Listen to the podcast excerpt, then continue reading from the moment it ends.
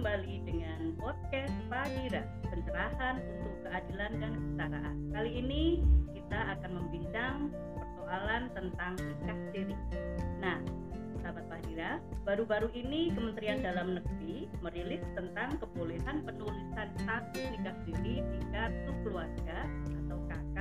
Katanya sih, menurut mereka itu adalah bentuk perlindungan bagi warga negara Nah, menurut mereka, hal ini adalah bagian dari perlindungan hak-hak warga negara khususnya bagi pasangan nikah siri sebagaimana diatur dalam Permendagri nomor 9 tahun 2019 tentang percepatan peningkatan cakupan kepemilikan akta kelahiran. Nah, tentunya tema ini menarik sekali bukan sahabat Padira? Oke, bersama kita telah hadir Ibu Musdah Mulia. Apa kabar Ibu? Baik, Alhamdulillah ya, sehat walafiat. Semoga sahabat-sahabat Padira juga sehat semuanya ya. Ya, Ibu bincang-bincang tentang nikah siri nih. Bagaimana menurut pendapat Ibu nih tentang pencatatan perkawinan yang tidak dicatatkan yang baru-baru ini dirilis oleh Kementerian Dalam Negeri? Apa pendapat Ibu? Ya, jadi pertama-tama mari kita kembali memahami dulu apa sih yang dimaksud dengan nikah siri. Banyak orang menyebutnya nikah siri. Dia tanya ke saya, Bu Musa, kok pakai kata siri? Si siri itu kan sebenarnya daun siri kan? itu kan bagus. Saya bilang gitu. Ini kok jelek ya katanya nikah siri gitu. Terus saya jelaskan ya bahwa nikah siri itu adalah istilah untuk perkawinan di Indonesia yang tidak dicatatkan. Ada banyak alasan mengapa tidak dicatatkan tapi biasanya kalau perkawinan itu tidak dicatatkan pasti ada masalahnya kan? Oh, karena itu gitu jangan ya? iya dong jangan mau. Jadi kalau mau menikah menikahlah secara secara resmi secara benar ya dengan ya tentu saja kalau benar kan pasti dicatatkan oleh negara gitu. Jadi mari kita membiasakan diri hidup dengan cara-cara yang legal tapi kata orang-orang nikah siri itu sah menurut agama gimana itu? nah itu dia juga itu juga persoalannya. Kenapa? Karena menurut saya kalau tidak dicatatkan dan tidak di karena sebetulnya ya pencatatan itu penting sekali. Untuk apa? Untuk menghindarkan segala macam persoalan yang mungkin timbul di kemudian hari misalnya kalau dia tidak dicatatkan dia kan nggak punya buku akta nikah kan yeah, yeah. nanti kalau tiba-tiba suaminya meninggal atau terjadi apa-apa gitu dia kan tidak mengaku diri sebagai istri. Karena itu mari deh kita semuanya saya pikir ini pemerintah juga keliru nih ya dengan nikah siri. Jadi siri itu dalam bahasa Arab itu artinya rahasia. Namanya iya, saja perkawinan rahasia oh. berarti ada apa-apanya nih ya. Mestinya mestinya ada apa-apanya gitu. Jadi kita mestinya curiga dong kenapa dia kok nikah siri?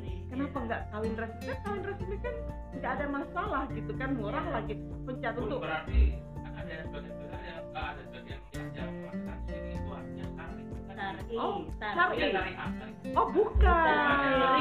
Nah ini yang keliru. Samar samar ya bu ya? siri itu artinya rahasia dalam bahasa Arab.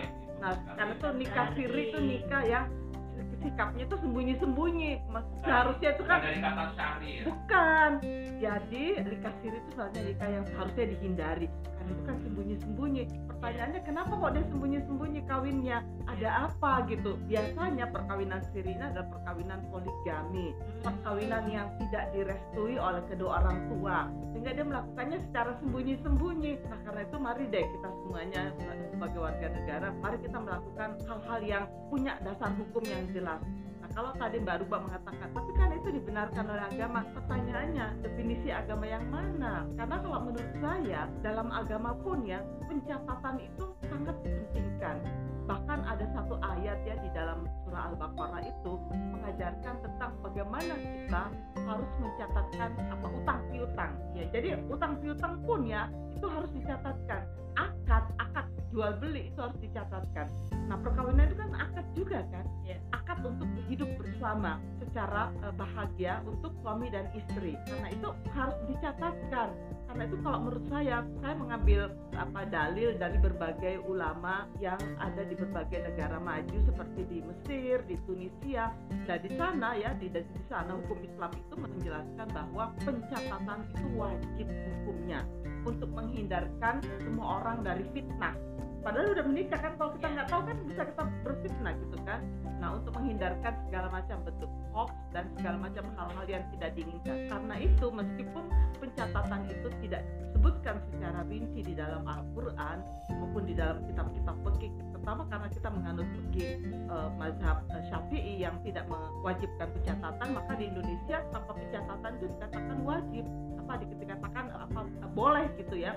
Nah menurut saya ini nggak bisa seperti itu pemerintah. Nah ini bagusnya kalau di Turki. Di Turki mbak Ruba kalau seseorang itu menikah tanpa pencatatan ya dan pencatatannya itu harus di depan penghulu yang sah yang sah punya sertifikat dari negara. Karena banyak penghulu ga- gadungan juga sih ya. Nah di Indonesia di penghulu gadungan juga banyak. Tuh Nah, kalau di- di. Turki di Turki dan di beberapa negara Islam itu penghulu itu di apa punya nggak boleh kalau misalnya kamu menikah di depan penghulu gadungan itu maka penghulunya kamunya yang menikah itu dikenai hukum kriminal. Hmm. untuk apa coba? Untuk supaya tertibnya aturan-aturan yang dibuat ini. Karena itu saya sangat menyayangkan pemerintah ya memberikan apa, pencatatan atau kebolehan pencatatan. Udah gitu model pencatatannya seperti apa dalam eh, kalau disebutkan di situ apa jadi statusnya itu istilahnya kawin belum tercatat. Waduh memalukan sekali. Ya kalau Jadi- dulu kan ada istilah kawin tidak kawin. Kan nah Iya. sekarang dibolehkan ada tulisan kawin tidak tercatat begitu itu persis seperti pencatatan untuk anak di luar nikah. Waktu itu kami kelompok perempuan melakukan apa ya protes kepada pencatatan sipil ya. Nggak boleh anak itu ditulis anak di luar nikah. Karena kan bukan ya. anak itu ya ditulis aja telah lahir seorang anak dari seorang ibu bernama ini. Udah begitu saja nggak perlu lahir di luar nikah. Karena kan anak itu kasihan seumur hidupnya akan cukup membawa beban atas nama ibunya asal ya. kan yang penting Iya. dia ketahui ibunya kan Ya, nah ya. seharusnya juga negara harus bisa memberikan fasilitas untuk mencari eh, bapak kandungnya kan gampang sekarang dengan tes DNA Ya, betul. jadi sehingga anak itu mengerti siapa bapak biologisnya jadi nggak perlu di- dituliskan dalam aktanya itu anak di luar nikah sama dengan ini katanya untuk melindungi melindungi siapa? Itu kadang-kadang saya kadang-kadang benci ya jadi sama ambigu ya pada pemerintah yang mengeluarkan apa ya aturan-aturan tapi tidak mempertimbangkan jamusnya at- pemerintah itu ya sebelum mengeluarkan sebuah eh, apa sebuah aturan. Itu mengadakan public hearing gitu ya. Dengerin dulu deh Iya, pendapat dari banyak orang. Jangan sok tahu kayak begini karena katanya ini melindungi. Tapi di situ dikatakan menikah tanpa pencatatan atau menikah nikah kawin belum tercatat kawin belum tercatat. Nah Iya. itu kan malah membuat aib kan Iya. sebetulnya. Sama saja dalam arti saya kalau saya sih mendingan nggak usah dicatat deh. Nggak usah mas. Artinya nggak usah dimasukkan dalam eh, kartu kakak ya untuk daripada saya dituliskan di situ kawin tapi belum dicatatkan. Ini juga membuat malu sebetulnya kan? Karena itu saya pikir pemerintah sebaiknya membuat aturan-aturan yang clear yang jelas tentang bagaimana mencegah terjadinya perkawinan siri itu kan bisa. Jadi masyarakat pemuka agama harus bersatu padu bagaimana supaya perkawinan siri itu dihilangkan atau dikurangi. Karena itu sebaiknya jika ada orang yang mau menikah menikahlah dengan cara-cara yang baik dengan cara-cara yang legal dengan cara-cara yang dicatatkan tapi selalu saja mereka itu bilang nikah siri itu lebih berpikir ya, yang baik itu adalah menikah dan dicatatkan. Jangan mem- kalau zina sih nggak usah diperbandingkan karena itu sesuatu yang sifatnya dosa gitu Iya, kan. iya. Jangan memperbandingkan dengan hal-hal yang sifatnya dosa gitu. Lah, zina itu jangan diperbandingkan, zina itu ditinggalkan. Bagaimanalah caranya? Pasti ada cara. Kalau saya misalnya banyak orang yang bisa meninggalkan zina, kenapa kamu nggak bisa gitu kan? Jadi edukasi penting. Itulah sebabnya kita ya membangun edukasi, membangun pendidikan, bagaimana caranya kita mengontrol ya diri kita mengajarkan kepada anak-anak kita, laki dan perempuan untuk menghindarkan zina karena itu adalah sebuah perbuatan yang bukan hanya dilarang dalam agama, secara moral, moral apa pun itu mencegah, ya, melarang terjadinya perbuatan yang seperti edu- edukasi ini penting. Dan bagaimana juga masyarakat membangun upaya-upaya preventif sehingga tidak terjadi perbuatan-perbuatan seperti itu gitu. Jadi tidak terjadi tidak terjadi zina. Itu ada upaya-upaya preventif yang harus kita Jadi sebenarnya apa eh, negara atau para pemuka KUA ini lebih mengedepankan preventif daripada menggunakan itu untuk membolehkan nikah siri ya ya. harusnya. Jadi negara itu membuat aturan-aturan bagaimana supaya masyarakat kita itu lebih teredukasi. Bagaimana agar supaya masyarakat kita itu menjadi lebih kan tujuannya kan begitu. Pembangunan bidang agama itu adalah untuk meningkatkan kualitas spiritual masyarakat. Jadi ada banyak upaya yang bisa kita lakukan untuk mencegah terjadinya perkawinan siri. Karena perkawinan siri itu membawa resiko yang luar biasa, dampak yang luar biasa bukan hanya bagi perempuan tapi juga bagi keluarga dan bagi masyarakat secara keseluruhan. Secara umum dampak dari nikah siri itu apa? Dan siapa korbannya yang dirugikan dengan nikah siri? Tentu saja yang pertama korbannya itu adalah eh, perempuan dan anak-anak yang dilahirkan dalam perkawinan siri. Mengapa? Karena dalam perkawinan siri itu nggak ada akta nikah sehingga para perempuan yang menikah dengan cara siri, siri itu artinya sembunyi-sembunyi atau secara rahasia adalah perempuan yang menurut saya itu korban karena dia nggak punya pegangan gitu. Iya. karena kalau terjadi apa-apa di kemudian hari kamu nggak punya bukti bahwa kamu tuh adalah istri.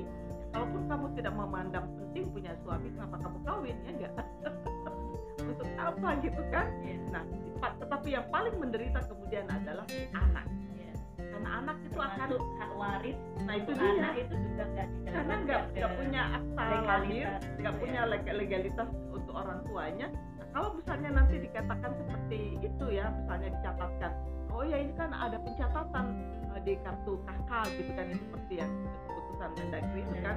tapi nanti kan orang mengatakan tapi kamu kan bukan anak sah ya gimana dong? Hmm. ayo itu kan bisa di bisa didebat lagi karena itu nggak usah deh. Mendingan ya kalau saya sih untuk upaya-upaya preventif sebaiknya kita semua sadar bahwa perkawinan siri itu adalah perkawinan yang banyak mengandung resiko. Sebaiknya kita hidup secara damai dengan mem- apa, mencatatkan perkawinan kita sehingga tidak menimbulkan fitnah tidak menimbulkan berbagai macam konflik dan kecurigaan di kemudian hari Jadi lebih baik pemerintah mensosialisasikan pentingnya pencatatan perkawinan Itu bagi yang para penting. pasangan ya Bu ya. bahkan bukan Ya. hanya mensosialisasi mewajibkan Mewajibkan. Oh ya, oke. mewajib jadi semua. Jadi kalau pemerintah kita mau tegas ya seperti di Turki ya beberapa negara Islam tuh hebat loh bisa. Bahwa eh, perkawinan hanya sah jika dicatatkan di eh, kantor KUA atau kantor catatan sipil yang resmi ya jadi jadi mereka tidak kantor catatan sipil yang nggak resmi kan bisa aja nanti ada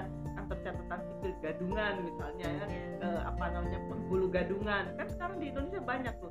Jadi kalian yang mau menikah hati-hati ya jangan sampai kalian menikahnya itu di depan penghulu penghulu yang nggak punya sertifikat atau yang bukan penghulu yang betul-betul diangkat oleh negara nah kalau di Mesir atau di Turki Sekarang kan ada wedding yang nah itu itu yang kemarin itu baru jadi polemik itu. Jadi kita bisa sewa wedding sekaligus kita bisa kemudian melakukan itu tadi ada nikah siri itu, Waduh. itu dibolehin begitu. mengerikan Nah. Termasuk apakah itu juga karena hukum kita terlalu di hukum kita itu terlalu lemah ya terlalu lemah sehingga ke- kemungkinan orang untuk melakukan kejahatan kejahatan termasuk kejahatan seksual dan sebagainya itu gampang sekali. Sebab pengalaman saya di Turki ya itu semua orang yang melakukan perkawinan bukan di depan penghulu resmi yang di, yang disertifikasi oleh negara atau yang diangkat oleh negara maka yang mengawinkan yang kawin dan saksi-saksinya semua itu dikriminalkan Oh, ayo diancam dengan hukum ya. kriminal. Hmm, wah nggak main-main. Anda ya. kalian semuanya dianggap sebagai pelaku kriminal dan dipenjarakan kalau Nah, iya. Eh, harus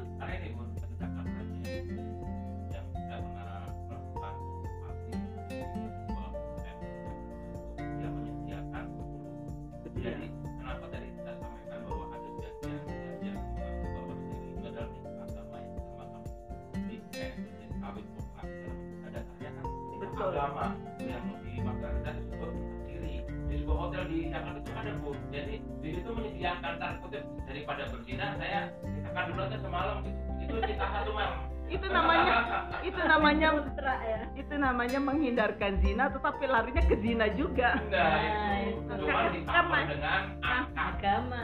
Nah, sekarang jangan menjadikan agama sebagai topeng Betul. untuk berbuat maksiat. Tuhan itu tahu loh, jadi nggak usahlah jualan agama. jangan Karena membawa jangan nama- membawa nama agama Tuhan, pada ya. saya tidak berzina, mending saya nikah siri. Karena ketika kamu nikah siri hanya untuk kepentingan seksualitas, sebetulnya kamu juga berzina. Itu loh kalau saya karena perkawinan dalam Islam seperti yang saya jelaskan dalam beberapa podcast yang lalu, perkawinan dalam Islam itu amat sangat mulia. Tujuannya adalah membangun keluarga, sakinah, mawaddah, warahmah. Jadi kalau hanya sekedar seksualitas menurut saya nggak jauh-jauh tipis deh dengan zina karena itu mari deh kita nggak usah membohongi diri kita sendiri nggak usah kita membohongi masyarakat kita nggak usah juga kita membohongi Tuhan ya nggak karena Tuhan itu nggak bisa dibohongi mari deh hidup secara yang benar gitu. Kalau mau menikah menikahlah dengan pencatatan. Nggak usah pakai dalih-dalih daripada begini daripada berzina. Karena kita kan bukan negara Islam yang seperti di Arab kalau orang berzina itu dirajam kan?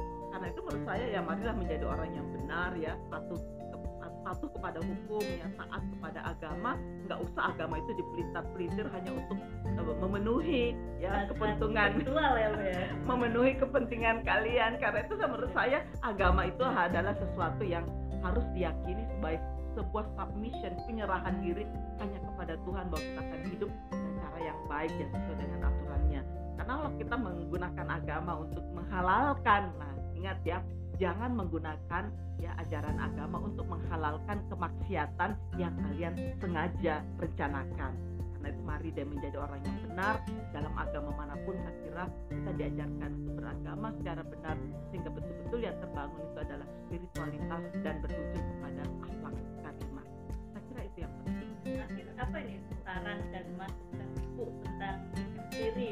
Dan apa apa apa istilahnya pesan yang ibu mau sampaikan kepada masyarakat tentang siri? menurut saya ya pertama negara bagaimana negara mengupayakan berkurangnya ya berkurangnya kasus-kasus perkawinan siri karena ini membawa dampak yang buruk ya bagi kehidupan perempuan dan juga kehidupan anak-anak terutama ya. Karena anak-anak tidak mendapatkan perlindungan kan kalau mereka tidak punya akta legal dari apa sebagai anak yang lahir dalam perkawinan. Nah menurut saya masyarakat juga ya bagaimana masyarakat juga memberikan sanksi moral ya terhadap mereka yang melakukan perkawinan siri kan? Perkawinan itu adalah perkawinan yang dilakukan secara sembunyi-sembunyi dan pasti ada sesuatu yang terjadi sehingga kenapa mereka tidak menikah secara formal atau secara legal? Dan itu mudah kok ya nggak sulit gitu menikah secara normal atau secara legal itu adalah hal yang mudah sekali ya. Kalau kalian tidak punya uang loh kan. Kalian cukup membayar penghulu yang resmi kan nggak usah pakai eh, pesta yang mahal kan. Nah, karena itu marilah semuanya kita masyarakat juga berupaya untuk bagaimana kita hidup secara normal dengan mematuhi aturan-aturan hukum yang yang sah tetapi juga kita berusaha menjadi penganut agama yang sungguh-sungguh menjalankan ajaran agama dengan benar Oke, sahabat Padira, kita sudah mendengarkan bincang-bincang dengan Ibu Musda tentang nikah siri. Sebagai kata akhir ya, say no to nikah siri ya Bu ya. say no to nikah siri Ya. Yes.